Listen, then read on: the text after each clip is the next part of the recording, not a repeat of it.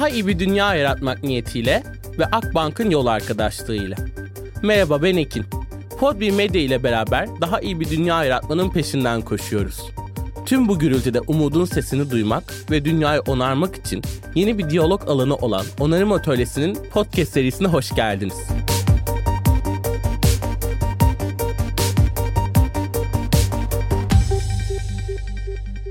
Bugün konuğum sevgili Şafak Müderrisgil. Kendisini ağırladığım için inanılmaz heyecanlı hissediyorum. Gerçekten şu an Podbi stüdyosundayız ve bence heyecanım dışarıda taşıyor. Çünkü etki konusunu bugün artık söylemden analitik bir inceleme masasına yatırdığımızda ya da etkide dünya gündeminde neler oluyor, ben hangi yöne yönelmeliyim sorusunu kendime sorduğumda hep Şafak Hanım'ı örnek alıyordum. Hem bugün ölçüm boyutunda hem makro ve mikro boyutta bir danışman görevi görme konusunda çok kıymetli bir ismi ağırlıyoruz. Bu yüzden dediğim gibi ekstra heyecanlı olduğum bir gün olacak. Kendisine etki konusuyla ilgili bugünün en gündeminde olan konuları soracağım. Ama bu Şafak Hanım'la asla son çekimimiz olmayacak. Onu şimdiden hissedebiliyorum. Şafak Hanım hoş geldiniz, iyi ki geldiniz. Ekin çok teşekkür ederim. Ben de çok mutluyum bugün burada olduğum için. Davetin için çok teşekkürler. Ben çok teşekkür ederim. Aslında Şafak Hanım'ın bir sürü yaptığı hepimize ilham oldu ve bence dünyadaki etki liderlerinden biri olmasının ötesinde Türkiye'de biz onu Etki Yapın ve Etki Yatırımı Danışma Kurulu'nun başkanı olarak tanıyoruz. Ama dediğim gibi kendisi bugün G20'den aslında Dünya Ekonomik Forumu'na dünyanın etki nabzını tutan etki liderlerinden biri. Kendisine sormadım size etki lideri diyebilir miyim diye ama bence öyle olduğu için kendisini aslında bugün asıl ünvanı olarak düşündüğüm etki lideri olarak ağırlıyor olacağım. Bugün ilk olarak ben sizin hikayenizi, dert edindiklerinizi dinlemek çok istiyorum Şafak Hanım. Yani sizin meseleleriniz neler? Etkinin hikayenizle kesişmesi nasıl gelişti? Neden etki yaratmak, neden impact konuşuyoruz ve Şafak Hanım neden daha iyi bir dünya istiyor? Adalet duygusu hayatımda hep önemli oldu. Hukukçu olmaktan kaynaklanan bir duygu bu sanırım. Girdiğim her ortamda, yaptığım her işte acaba gerçekten herkes için adil mi, eşitlikçi mi, kapsayıcı mı? Bu duygularla ve düşüncelerle hareket ettim. Buradan neyi kastediyorum? Eğitim alanında örneğin herkes istenen eğitime erişti mi? Sağlıkta aynısı söz konusu ya da kamusal hizmetlerden herkes gerektiği gibi adil bir şekilde, eşitlikçi bir şekilde yararlanabiliyor mu? Bunlar kapsayıcı bir şekilde verildi mi? Hep böyle kaygılarım oldu yaşamım boyunca. Sorumluluklara baktığımızda da aslında yani bir haklarımız var, bir de sorumluluklarımız var bizim vatandaş olarak. Bize adil bir şekilde, eşit bir şekilde dağıtılması, verilmesi gereken haklar var. Bir de sorumluluklarımız var. Öyle değil mi? Örneğin zararlı gaz çıkaran bir fabrikamız varsa orada bir önlem almak durumundayız. Bunu hukuk kuralları söylüyor. ya da çocuğumuz varsa 12. sınıfa kadar yani 17-18 yaşına gelene kadar 12 yıl boyunca çocuğumuzu okutma zorunluluğumuz var aslında. Zorunlu eğitim denilen bir şey var. Çocuk işçi çalıştırıyorsak bir işletme sahibi olarak orada hukuk devreye giriyor. aslında yaptırımlar devreye giriyor ve ceza alıyoruz. Ama bir de kamusal alan dışında sorumluluklarımız ve haklarımız var. Hukuk kuralları, yaptırım, ceza bu gibi kavramların dışında bir bir dünya da var ve bu kavramlar kamusal alan dışında bize gereken şey aslında zihniyet, vizyon. Dünyaya ne olacak? Mahalleme ne olacak? Çevre ne olacak? İklim değişikliği ne olacak? Biyoçeşitlilik, su kıtlığı, dezavantajlı popülasyonlar. Bunları düşünmek gerekiyor. Bireysel bağlamda bunları nasıl düşünüyoruz? Örneğin sabahleyin kahvaltı yapıyoruz. Yediğimiz ekmeği üreten fırında acaba çocuk işçi çalıştırılıyor mu? Ya da giydiğim kaza üreten trikotaj atölyesinde çalışan kadınlar orada çalışan erkekler gibi ücret alıyorlar mı? Eşit ücret alıyorlar mı acaba? Su kıtlığı yaşadığımız bu dünyada, dünyanın yüzde kırkına yakınının su kıtlığı yaşadığı bu dünyada biz suyu ne kadar verimli kullanıyoruz? Enerjiyi verimli kullanıyor muyuz? Eğitime, sağlığa erişimimiz herkes gibi mi? Dünyada eşit mi? Bunların hepsi bir dert işte. Derdin ne diye sordun ya. Şimdi bunları ben, sen, o, biz, siz, onlar hep birlikte sorduğumuzda aslında kolektif zihniyet oluşuyor. Niye önemli? kolektif aksiyona gidiyor çünkü. Biz hep birlikte bunları düşündüğümüzde aslında tüketim alışkanlıklarını değiştirme kapasitemiz ortaya çıkıyor. Tercihler değişiyor. Tercihler değişince de paradigma değişiyor ve biz aslında daha sürdürülebilir, daha onarıcı ürünleri, süreçleri ve sonuçları seçer hale geliyoruz. Bir kişiyle dünya mı değişir diyebilirsin. evet değişir. Hep bir araya gelince değişebilir. Biz bir mekanizmanın mikro parçacıklarıyız ve hep birlikte hareket ettiğimizde o kolektif bilinci oluşturma kapasitemiz var. İşte bu etkinin bireyselden kolektife yolculuğu aslında ve daha iyi bir dünya için hep birlikte aydınlanmamız ve hep birlikte bu aydınlanmayı istememiz, sürdürülebilirliği istememiz, etki yaratmayı istememiz ve bu isteği de aksiyona dönüştürmemiz gerekiyor. Benim için etkiyi anlatma süreci Covid ile başladı. Çünkü kişisel hikayemi sordun. Çok kısaca değineyim. Hep üzerinde çalıştığım bir konuydu, etki konusu etki ölçümü, etki yönetimi, sosyal etki gibi konular. Yıllardır bilgi ve tecrübe olarak biriktirdiğim bu alanı, yıllardır geliştirdiğim bu alanı aslında hep içimde tutuyordum. Covid bir anlamda ortaya çıkardı diyebilirim. 2019 yılının sonlarına doğru ortaya çıktı. Artık bu birikimi başkalarıyla da paylaşmaya karar verdim. Covid bizi evde tuttu biliyorsun ve bu bir vesile oldu benim için. Ama öncesi 2014'lü yıllara 2010'lu yıllara kadar gidiyor. 2014'te tam olarak başladım bu alanda kapasite geliştirmeye.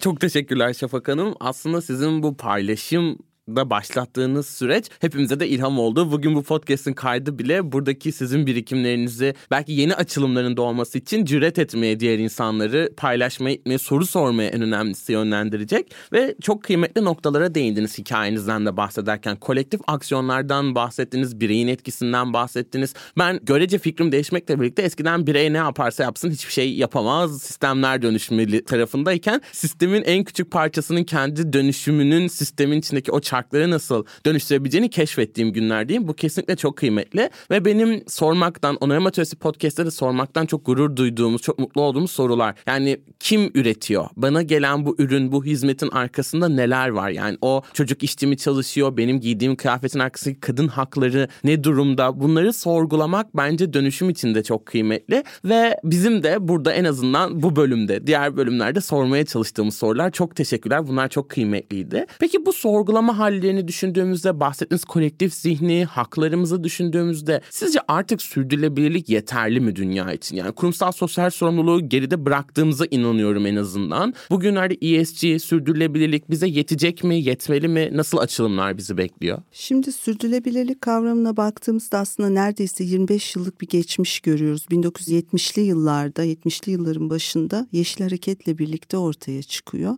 Bugün hala evet kullanıyoruz sürdürülebilirlik kavramını kavramını ama giderek değişiyor, dönüşüyor, evriliyor. Sürdürülebilirlik kavramı da evriliyor düşüncesindeyim. 2008 krizine bir bakarsak, 2008'de biliyorsunuz büyük bir ekonomik kriz yaşandı dünyada ve bu travmalarla çıkıyor yeni paradigmalar, yeni kavramlar. 2008 krizinin çıktısı da bir anlamda risk kavramı oldu örneğin. Önceden bir yatırım yapılırken sadece kar gözetilirken bu krizden sonra riskin de önemli olduğu, riski yönetmenin de önemli olduğu anlaşıldı. Sosyal ve çevresel faktörlerin de bu risk kavramı içinde ilk olarak yer aldığını görüyoruz. Sonra 2015'e bakalım sürdürülebilir kalkınma amaçları çıkıyor. Birleşmiş Milletler sunuyor. Birleşmiş Milletler dünyaya tanıtıyor sürdürülebilir kalkınma amaçlarını ve bugün geldiğimiz dünyada işte Covid, iklim değişikliği, göç gibi küresel krizlerin etki ekseninde aslında hep değerlendirildiğini görüyoruz.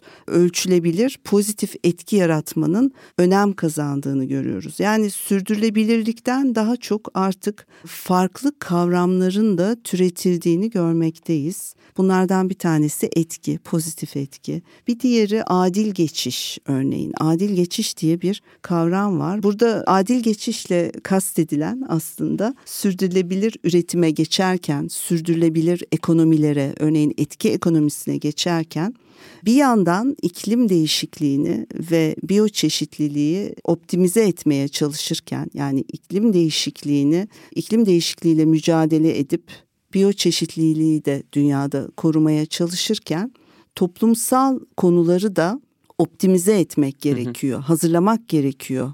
Bu yatırımı yapmak gerekiyor. Bu adil geçiş. Adil geçiş kavramı giderek önem kazanıyor. Bir diğer kavram ortak değer yaratmak. Örneğin bir şirketin, bir işletmenin faaliyet amacının toplumsal problemleri çözmek suretiyle kar edebileceğini görüyoruz.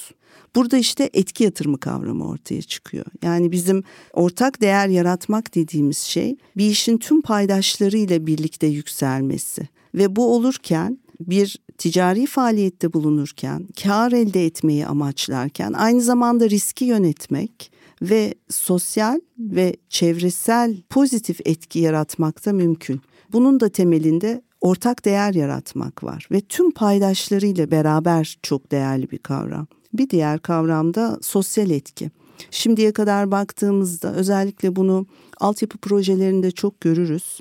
ÇET raporu vardır, çevre etki değerlendirmesi raporu. Buna baktığımızda sanki çevresel etki tek kaygımızmış gibi görünür. Ama aslında çevresel etki ile sosyal etki ayrılmaz bir bütün çevresel etki dediğimiz şey insanlar üzerinde gerçekleşiyor. Çünkü dolayısıyla toplumsal bir etkisi de var. Ee, birbirinden ayrılmayan iki kavram olarak görebiliriz. Ürünlerin, pazarların, ekonomilerin yeniden yapılanması için, değer ve tedarik zincirlerinin buna göre uyumlanması için, yerel ve bölgesel pazarların oluşması için bütün bu kavramların varlığı çok önemli. Çünkü bir paradigma değişikliği yaşıyoruz. Hı hı. Bunu hepimiz görüyoruz. Yani bu böyle akşamdan sabaha olacak bir şey değil. Sistemsel olarak bu değişimin gerçekleşmesi için bu kavramların iyi anlaşılması ve hayata geçirilmesi önemli. Farkındalığın geliştirilmesi tabii ki her zaman ilk adım. Ardından da onu takip eden aksiyonlar,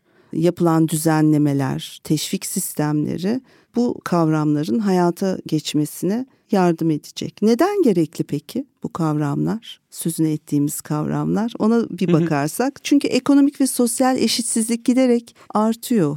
Uçurumlar giderek artıyor. Bu uçurumların kapanması gerekiyor. İklim için alınan aksiyonlar hala yetersiz. Aşırı tüketim var plastik kirliliği var. Biyoçeşitlilik tükeniyor. En büyük hı hı. sorunlardan biri ve bir taraftan da teknolojinin gelişmesiyle birlikte verinin gizliliği ve yapay zekanın etik durumu tam olarak tanımlanmış değil. Tüm bu sorunlar aslında bizi işte bu kavramlarla karşı karşıya getiriyor. Biz bir faaliyeti yürütürken, biz bir yatırım yaparken sadece kar mı olmalı hedefimiz? Sadece riski yönetmek mi olmalı? Yoksa bir işletme olarak, bir şirket olarak biz sosyal ve çevresel bir etki de yaratabilir miyiz? Bu potansiyel var mı? Elbette ki var.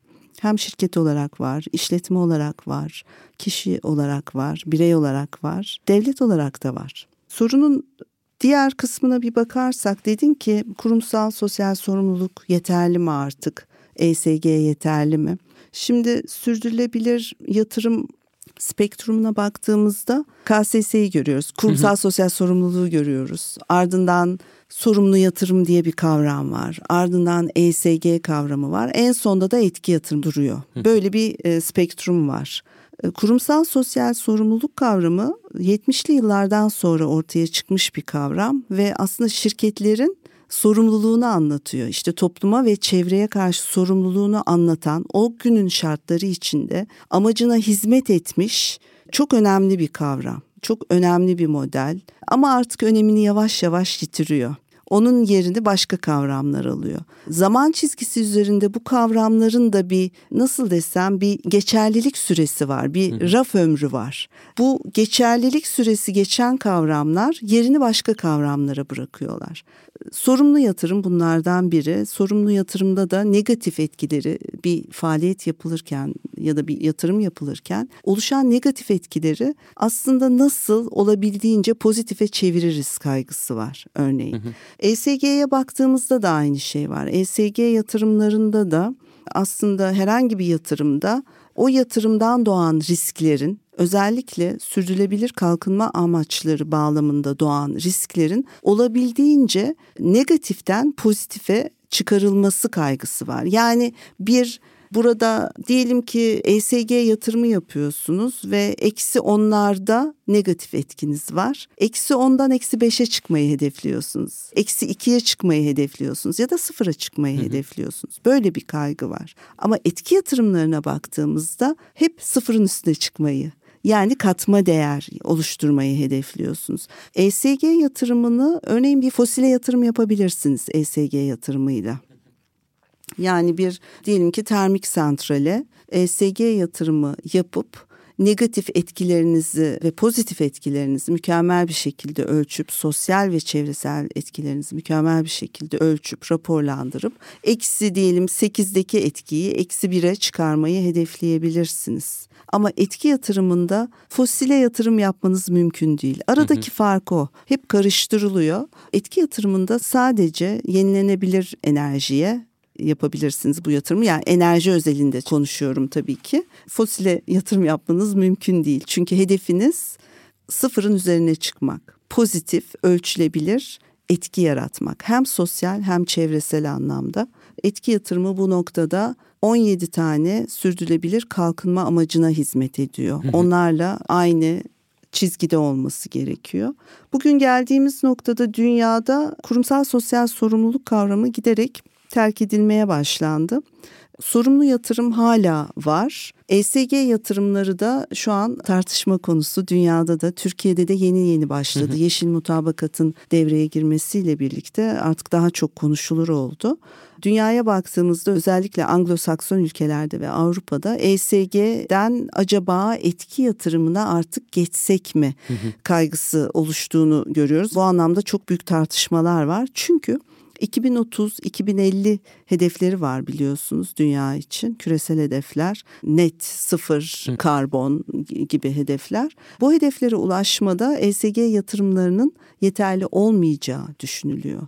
Yani negatif etkiyi azaltmak değil de tamamıyla pozitif etkiye yatırım yapmak gündemi oluşuyor dünyada. Türkiye ESG'ye yeni yeni girmekte. Ancak bu bir süreç. Bu kavramların hiçbiri yersiz bir şekilde ortaya çıkmıyor. Hepsinin bir görevi var. Ve zaman çizgisi üzerinde dediğim gibi hepsi görevini tamamlıyor ve bir sonraki kavramın uygulanmaya başlandığını görüyoruz. Etki yatırımları evet bugünün kavramı ama yarının da kavramı. Biz biraz daha futuristik bir anlayışla aslında şimdiden etki yatırımının yollarını döşüyoruz öyle söyleyeyim. Türkiye'yi buna hazırlamaya çalışıyoruz. Türkiye'de de etki yatırımlarının artık başladığını görmekteyiz. Bu anlayışın daha çok oturduğunu, bu kavramın daha çok konuşulduğunu görmekteyiz. Böyle açıklayabilirim bu süreci.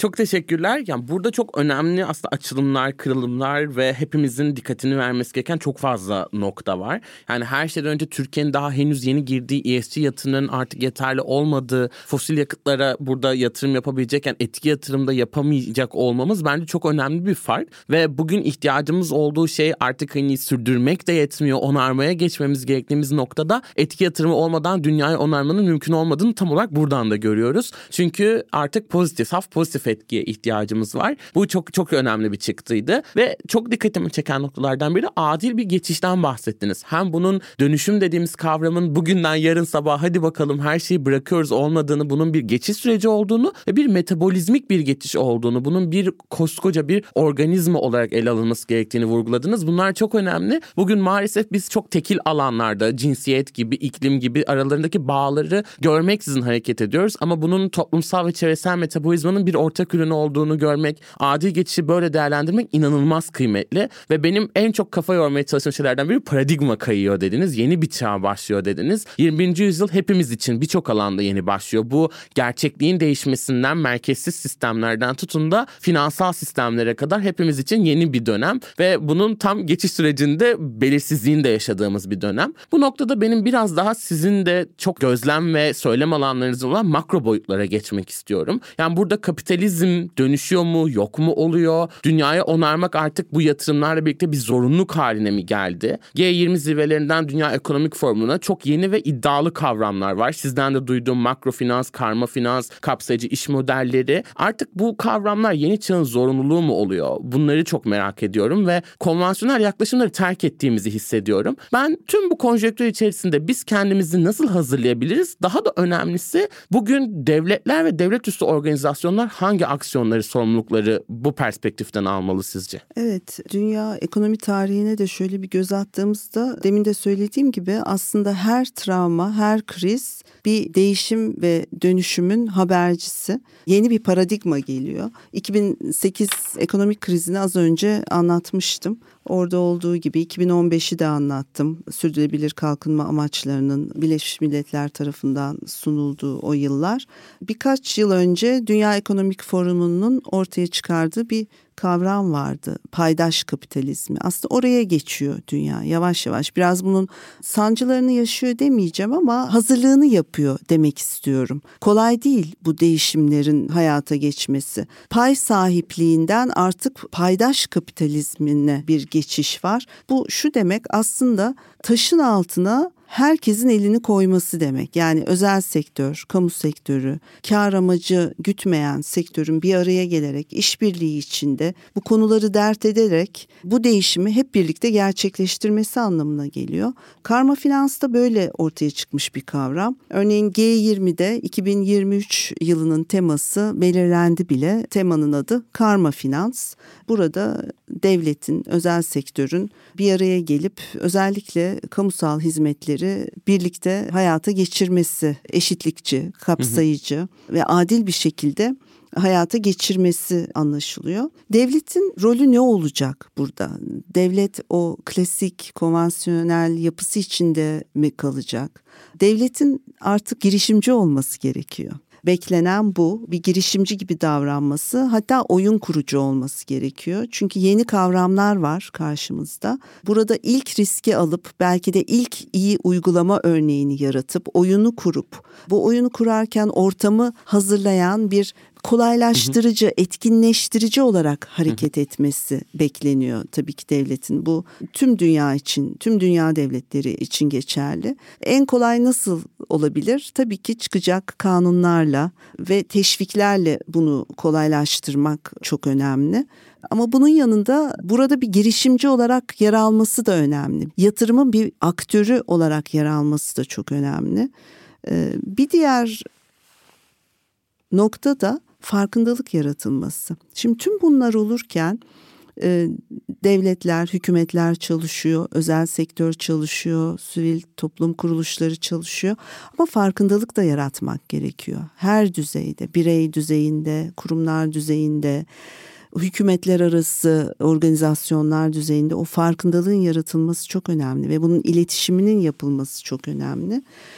E, bu noktada da işbirliği çok önemli. İşte bütün bu sektörler, kurumlar, farklı alanlardan gelen yapılar bir araya gelip e, bunun farkındalığını nasıl yaratacaklar, iletişimini nasıl yapacaklar konusu çok çok önem kazanıyor. Diplomasisini hı hı. nasıl yapacaklar? Bugün dünyada artık etki diplomasisi diye bir şey var e, ve e, ülkelere yumuşak güç sağlıyor. Bakıyoruz şahsen ben konferanslardan başımı alamıyorum. O kadar çoğaldı ki özellikle Covid'den sonra tabii Covid'in de çok büyük etkisi var ama G20, Dünya Ekonomik Forumu dışında o kadar çok konferans var ki bu yeni konularda demin senin tek tek saydığın yeni nesil konularda ki konferanslar aslında bize şunu gösteriyor. Gelişme yaşanıyor, tartışılıyor. İnanılmaz tartışmalar var. Dünyada ne olup bittiği ve dünyanın neye ihtiyacı olduğuyla ilgili sürdürülebilirlik kavramının ötesine nasıl geçeceğiz? Nasıl bir dünya bizi bekliyor ve bu dünyayı nasıl kurgulamalıyız? Sorularına cevap vermeye çalışan çok çok büyük tartışmalar hı hı. var dünyada. Daha iyi bir dünya yaratmak niyetiyle ve Akbank'ın yol arkadaşlığıyla onarım atölyesine kaldığımız yerden devam ediyoruz. Devletlerin girişimci olma noktası hepimiz için çok önemli bir nokta. Özellikle bugünün ana akım iktisatçıların da görüşlerini ele aldığımızda devlet kenarda çekilsin, devlet beklesin. Özellikle bu neoliberal politikalarında devlet sussun, otursun, minimize edilsin politikalarının bugün dünyadaki krizleri ne duruma getirdiği açık noktada. Girişimci olması, denetleyici noktada, yol gösterici noktada devletlerin olması çok önemli bir kırılım bizler için. Bu önemli bir farkındalık diye düşünüyorum. Peki bu kırılım döneminde devletlerin artık girişimci olması döneminde dünyada yeni çıkış noktaları arıyor, tartışıyor dediniz siz de. Sizce yeni ekonomik yapılanmalarda bizi neler bekliyor? Yani artık daha fazla makro ve mikro politikalar mı konuşacağız özellikle etki alanında? Yeni politikalar geliyor mu, yolda mı? Bizi bu konuda etki politikaları noktasında neler bekliyor? Etki politikaları hem mikro hem makro düzeyde konuşuluyor dünyada. İşte Avrupa Birliği'nin çıkardığı bu yeşil mutabakat bunun bir işareti örneğin ya da ISSB kuruldu, sürdürülebilirlik standartları kurulu kuruldu. Bunlar çok önemli gelişmeler ve aslında tüm ekonomileri etki odaklı olmaya zorlayan sistemler mekanizmalar şu anda yavaş yavaş hayata geçmekte küreselde. E, Türkiye olarak tabii ki bizim de bu ivmeyi kazanmamız gerekiyor. Buna uyum sağlamamız gerekiyor. Kaçınılmaz ve çok hızlı bir değişim, dönüşüm süreci içerisinde dünya.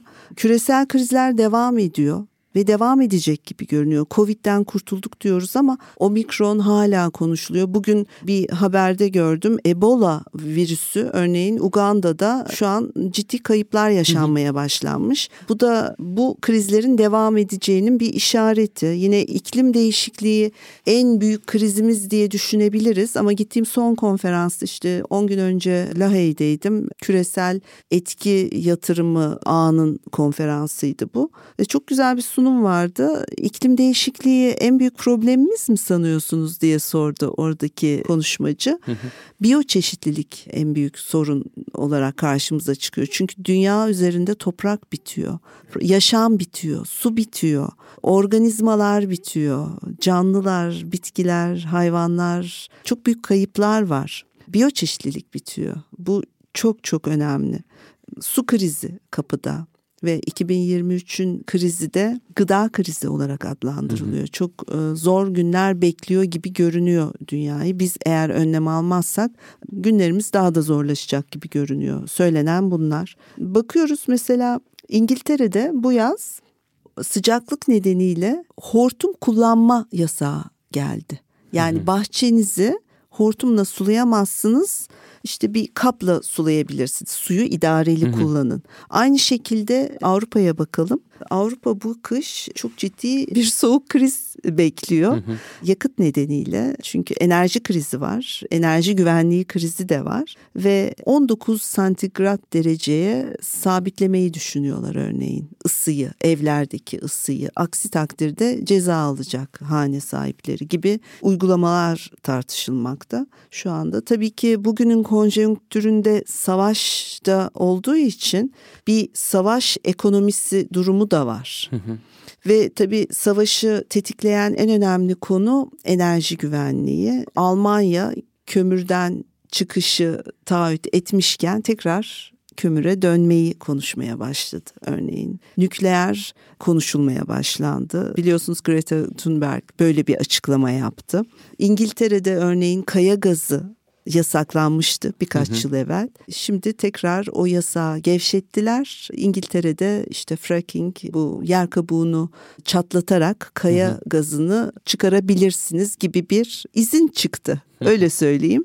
Ve atılan adımlardan geriye dönüş var. Tabii bu çok da büyük bir kaygı yaratıyor. Yani biz iklim değişikliğiyle mücadele edelim derken bu savaş ekonomisi nedeniyle, savaş durumu nedeniyle insanlar kısa vadede, toplumlar, insanlar, devletler kısa vadede ihtiyaçlarını karşılamaya, yaşamsal ihtiyaçlarını karşılamaya çalışıyorlar şu anda ve enerji orada çok çok önemli bir unsur. Dolayısıyla orada konjonktürde bir takım dalgalanmalar görüyoruz. İklim değişikliği sorunsalı evet hala devam ediyor ama onun önüne işte gıda krizi geçiyor, soğuk enerji krizi geçiyor.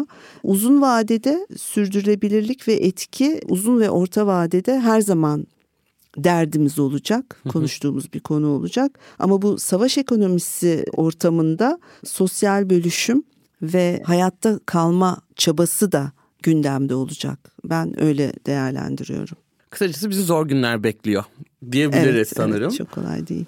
Bu krizlerden bahsettiniz. Özellikle savaş ekonomisinin getirdiği daha iyi ekonomi yaratmak üzerine gerilemeler bence dünyanın bugün endişelenmesi gereken noktalardan bir tanesi. Yani bugün gezegen ekonomisine geçmemiz gerektiği bir dönemdeyiz. Yani artık tüm girdi ve çıktığı bir tek gezegen olarak ele almamız gerekiyor derken hala ulusal sınırların ve çıkarların yarattığı savaş ve gerginliklerle aslında yuvamızın kaybetmemizin eşiğindeyiz. Ki daha büyük problemlerimiz varken toprağın hasat sayısı azalmışken su krizleri problemlerimiz varken aslında bununla birlikte çözüm alanları da artıyor aslında. Çözümü olan ihtiyaçlar da artıyor ve burada ben maalesef Türkiye'deki yatırım ekosistemini böyle takip etmeye çalıştığımda ve sorular yönelttiğimde ya etki yatırımcısına daha Türkiye'de erken ya daha var biz oralara gelmedik gibi bunu sanki böyle bir şey gibi konumlandırılabiliyor bazen. Hani gelecek ama aciliyetinin farkında değil sanki yeni bir moda gibi bir dönem bize de uğrayacakmış gibi hissiyatlar alıyorum. Sizce etki yatırımcılığı bugün bir fırsatın ötesi ötesinde bir zorunluluk mu olacak? Türkiye'ye bunun yansımaları nasıl olacak ve bugün etki odaklı yatırımlarda dünya neyi konuşuyor? Dünyanın odağında neler var? Etki odaklı finans dünyayı dönüştürmenin eşiğinde sanıyorum. Sizce bu, bu etki yatırımcılığının dünyadaki durumuyla birlikte etki girişimleri yeni unicornlarımız olabilir mi? Evet aslında etki yatırımı bir model. Yani böyle biraz çok futuristik gibi görünebilir ama şu anda e, yaşadığımız dünya içinde uygulamalarını görmekteyiz. Türkiye'de de görmekteyiz. Etki yatırımının çok değişik enstrümanları var. Etki yatırımı yenilikçi ve alternatif finansman yöntemlerini öneriyor zaten piyasalara. Burada amaç toplumsal ve çevresel sorunlara yatırım yaparken bir çözüm getirmek ve birlikte çözüm bulmak, tüm paydaşlarıyla birlikte çözüm bulmak. Hı hı. Bu bu enstrümanlar reel ekonomi içinde de var. Sermaye piyasası araçlarıyla da yapılabiliyor ya da sonuç odaklı, performans odaklı sözleşmelerle de yapılabiliyor. Örneğin etki fonu diye bir kavram var. Sosyal etki tahvili diye e, bir kavram var. İşte siz yeşil bir sukuk yapabilirsiniz. Katılım bankacılığıyla aslında sürdürülebilir finansı bir araya getiren e, bir model var örneğin. Mavi bonoları görüyoruz denizleri, okyanusları, mercanları kurtaran mavi bonolar var. Orman bonolarını görüyoruz dünyanın çeşitli yerlerinde. Diaspora bonolarını bile görüyoruz örneğin. Bir ülkenin diasporası bir araya geliyor ve kendi ülkelerine, ülkelerinin toplumsal ya da çevresel sorunlarına çözüm getirmek amacıyla bu bonoyu oluşturuyorlar ve yatırım yapıyorlar. Dolayısıyla bunlar aslında zaten var. Etki yatırımı deyip de hani bunu çok geleceğe ilişkin ilişkin bir kavram gibi konumlandırmamak lazım diye düşünüyorum. Zaten var. Farkında olun ya da olmayın. Evet. Dünyada da var, Türkiye'de de var. İsimleri farklı. Modelin adı genel olarak büyük kavramın yani o şemsiye kavramın adı etki yatırımı. Etki odaklı yatırım çünkü etki girişimlerine baktığımızda bunlar geleceğin etki girişimleri o unicornlar olacak mı sorusuna cevaben de etkinin tabii eksponansiyel bir etkisi var etkinin eksponansiyel etkisi hoş oldu değil mi? Şimdi startuplara bakalım. Örneğin tek startuplarına baktığımızda sağlık teknolojisi ya da eğitimle ilgili bir tek startup'ını düşünelim. Burada aslında fizibilitesi doğru bir şekilde yapılmış ve etkisi de doğru şekilde stratejik olarak konumlandırılmış böylesine bir startup'ın çok hızlı büyüme şansı var. Hı hı. İçine teknolojide girdiği için ve herkes için erişilebilir hizmetler sunacağı için. Sağlık teknolojisinden bir örnek verelim. Hı hı. Şimdi Covid ile birlikte gördük ki sağlık teknolojisi çok önem kazandı. İnsanlar uzaktan bu hı hı. şekilde takip edildiler dünyada, Türkiye'de. Çünkü sağlık kurumlarına gidemediler. Hibrit metotlar kullanıldı hı hı. ve daha çok insana ulaştı. Aşılarımızı bile aslında işte uygulamalardan takip ettik. Aşılarımızı gittik ona göre olduk gibi. Hı hı. Aynı şey eğitim için söz konusu. Eğitimin yakında tamamen dijitalleşmesinden söz ediliyor. Belki çok daha eşitlikçi bir model olacak. E sonra mesela şeyi düşünelim, Biontech'i düşünelim. Muazzam bir başarı gösterdi. Oradaki eksponansiyel etkiyi düşünün. Aslında o şirket yıllardır bu çalışmayı yapmaktaydı. Bu virüsü çalışmaktaydı ama salgın çıkınca doğru zamanda, doğru yerde patladı. Yani patladı derken olumlu anlamda artık bir dünya markası haline geldi. Yine trendleri doğru okuyan, dünyayı doğru takip eden, iyi takip eden ve futuristik bakabilen startupların, girişimlerin çok büyük şansı olduğunu düşünüyorum ve evet hepsi birer unicorn olmaya aday. Lojistik sektörü örneğin Covid döneminde lojistik sektörünün ne kadar öne çıktığını görüyoruz. Bunun için işte dünyayı izlemek gerekiyor. Dünyada ne oluyor, nasıl evriliyor, politikalar nasıl gidiyor, buna bir büyük resim olarak bakmak gerekiyor diye düşünüyorum. Bir yatırımcı olarak da stratejiyi ona göre belirlemek hı hı. gerekiyor. Yani evet şans var ama dersimizi iyi çalışmamız lazım. Dersimizde çalıştığımız noktada eksponansiyel bir büyümeden bahsettik. Peki nasıl ölçüyoruz? Yani sizin ana çalışma alanlarınızdan biri olan etki ölçümü konusuna da girmek istiyorum. Bugün öncesinde de sizinle konuştuğumuz gibi ne oluyor sonrasında? Yani bu yatırımı yapıyoruz, dersler veriyoruz, sosyal etki odaklı işte kodlama dersleri veriyoruz ama peki ya sonrasında? Bugün etkiyi ölçmek demek dokunduğumuz kişi aktardığımız para demek mi? Yoksa bu faaliyetler sonrasında ne olduğuna bakmak mı? Etki ölçümü neden önemli ve nasıl ölçülür? Etki ölçümü etki yatırımının aslında omurgası. Yani etki yatırımında unsurlara şöyle bir bakarsak tekrar hatırlayalım. E, sürdürülebilir kalkınma amaçlarını bir kere kendisine referans alıyor. Hı. Ardından yani sosyal ve çevresel bir değer, bir katma değer Hı. yaratmayı kendisine hedef alıyor ve etkiyi ölçmek de çok önemli. Çünkü nasıl bileceksiniz ki yani yarattığınız etkiyi nasıl anlayacaksınız? Tabii ki ölçerek. Burada ölçmek derken aslında çıktılardan bahsetmiyoruz ama sonuçlardan bahsediyoruz. Yani çıktı dediğimiz şey örneğin bir yatırım yaptık. Bu yatırım sonucunda diyelim ki bir kodlama projesi yaptık. Kaç öğrenciye ulaştık? Kaç öğretmen vardı? Ne kadar para harcadık? Kaçı istihdama girdi? Hı hı. Bunların hepsi çıktı Etki nedir? Etki bu yatırımı yaptık da ne oldu? O insanlara, gençler kodlama eğitimini aldılar. Nasıl bir etki doğdu? Nasıl etkilendiler bundan? Hayatlarında ne değişti? onların etrafındaki halkalarda ne değişti? Tüm paydaşları düşünmemiz gerekiyor. Bu kodlama ve eğitimini veren öğretmenin hayatında ne değişti? Kodlama eğitimini alan genç insanın hayatında ne değişti? Ailesinde, ailesini nasıl etkiledi? Kardeşini nasıl etkiledi? Çevresini nasıl hı hı. etkiledi? İşte bu çok önemli. Etkiyi ölçmek bu. Etkiyi neden ölçmeliyiz? Etkiyi ölçmezsek aslında kaynaklarımızı nereye kullandığımızı da bilemeyiz. Nedeni bu. En başta kaynakları doğru kullanabilmek için, doğru yönlendirmek için, doğru aloke edebilmek için etkiye ölçmek çok önemli. Raporlamak önemli. Raporlamak da yetmiyor aslında. Dış denetim almak da çok önemli. Çünkü özellikle sosyal etkiyi ölçtüğümüz noktada subjektif çok unsur var. Ve bunu olabildiğince objektif bir noktaya getirmek için o dış denetimi de alıp emin olmak en iyisi. Aksi takdirde etki yıkamasına doğru gidiyor. Hı hı. Yeşil yıkama olarak da biliniyor hı hı. ama etki yıkaması, yıkama kısacası badanalama diyen de var. Bunları istemiyoruz tabii. Bunlar bizim görmek istemediğimiz kavramlar. Bunun içinde ayrı bir ekosistem oluşması gerekiyor. Bir pazar oluşması, hı hı.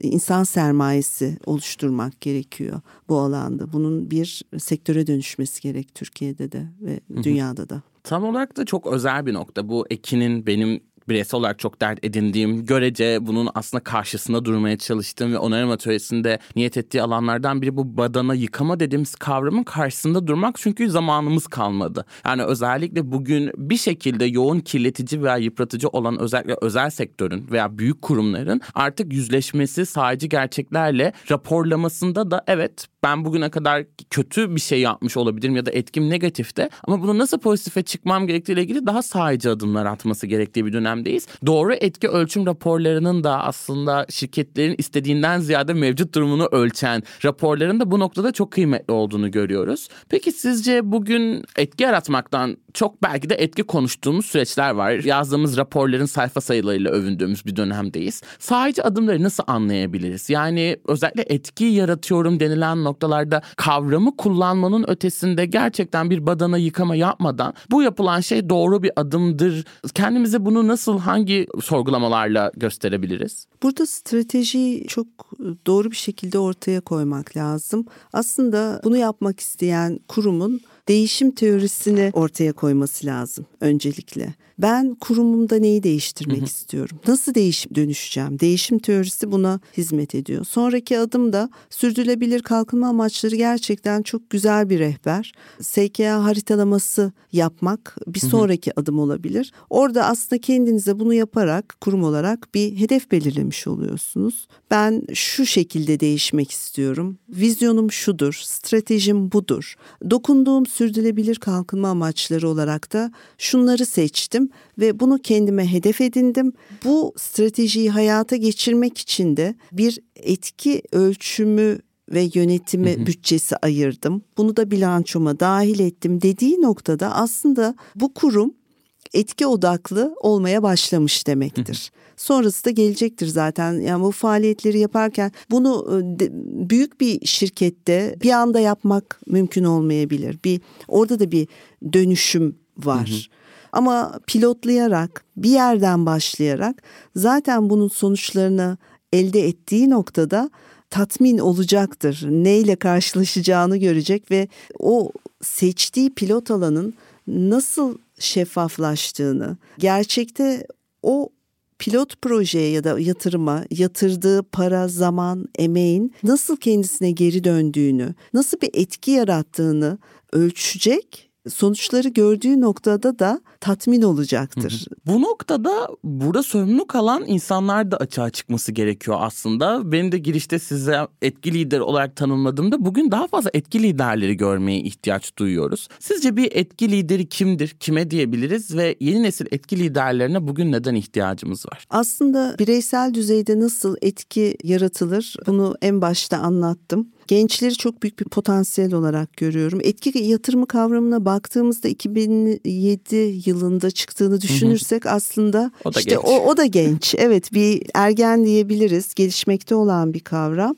Burada etki odaklı baktığımız zaman aslında Z kuşağına, milenyallere bakıyoruz. Etki odaklı şirketler, büyük aile şirketleri yavaş yavaş Z kuşağına geçmeye başlıyor. Hı hı. Ve raporlara baktığımızda görüyoruz ki genç kuşaklar etki odaklı gitmek istiyorlar. Hı hı etkiye yatırım yapmak istiyorlar. Tek dertleri kar elde etmek değil. Bunu görüyoruz zaten. Bu anlamda da hepimizin bir tercih yaparak bir talep yaratma potansiyelimiz var. Bir pazar yaratma gücümüz var. Bir örnek vermek gerekirse 2020 yılında sadece 6 ayda Covid'in başladığı günleri hatırlarsak işte 2020 yılında Haziran ayında yapılmış bir hazırlanmış bir rapor var. Bu bağışıklık sistemini güçlendirmek için bir takım ürünler var. Gıda takviyeleri hı hı. pazarı deniyor buna. 210 milyon dolarlık bir pazar oluşmuş Türkiye'de. Bu kadar kısa süre içinde. Bu da kişisel tercihlerle hı hı. oluşan bir pazar. Oradaki gücü görüyoruz işte. Evet. Talep yaratma gücünü görüyoruz. Etki aynı zamanda güçlü bir iletişim de sağlıyor. Yani büyük etki yaygın iletişim demek hı hı. aynı zamanda. Sonuç itibariyle hepimizin tercihleri toplum ve gezegen için bir etki yaratıyor. Ama soru şu. Siz bu kaftanı giymek istiyor musunuz? Etki kaftanını hı hı. sırtınıza takmak istiyor musunuz? Bu da kişisel tercihle başlıyor. Hem kişisel e, olarak hem şirketler için, kurumlar için hem de devletler için bu politikaları yerleştirmek istiyor musunuz? Bu kendime soracağım sorulardan biri de aslında ya da etrafındakilere siz bu kaftanı giymek istiyor musunuz? Bugün bu kaftanı çok uzun süredir giyen ve insanları giymek için teşvik eden bir konuğum vardı. Muazzam bir kayıttı ve dediğim gibi hissediyorum bu sadece yapacağımız Şafak Hanım'la olan şeylerin ilki. Bu noktada sonda benim her konuğuma sorduğum ortak bir sorum da var Şafak Hanım. Sizce umut var mı? Şafak Müderrisgil yarından umutlu mu? Umut her zaman var. Çok teşekkürler. Ben çok teşekkür İyi ediyorum. ki geldiniz. İyi ki bizimleydiniz. Çok daha güzel içeriklerde, çok daha güzel ekosistemlerde tekrardan bir araya gelmek üzere. Kendinize çok iyi bakın. Çok teşekkürler. Daha iyi bir dünya yaratmak niyetiyle ve Akbank'ın yol arkadaşlığıyla yeni bir diyalog alanı yaratan Onarım Atölyesi'nden iyilik ve dostlukla. Bir sonraki bölümde görüşmek üzere.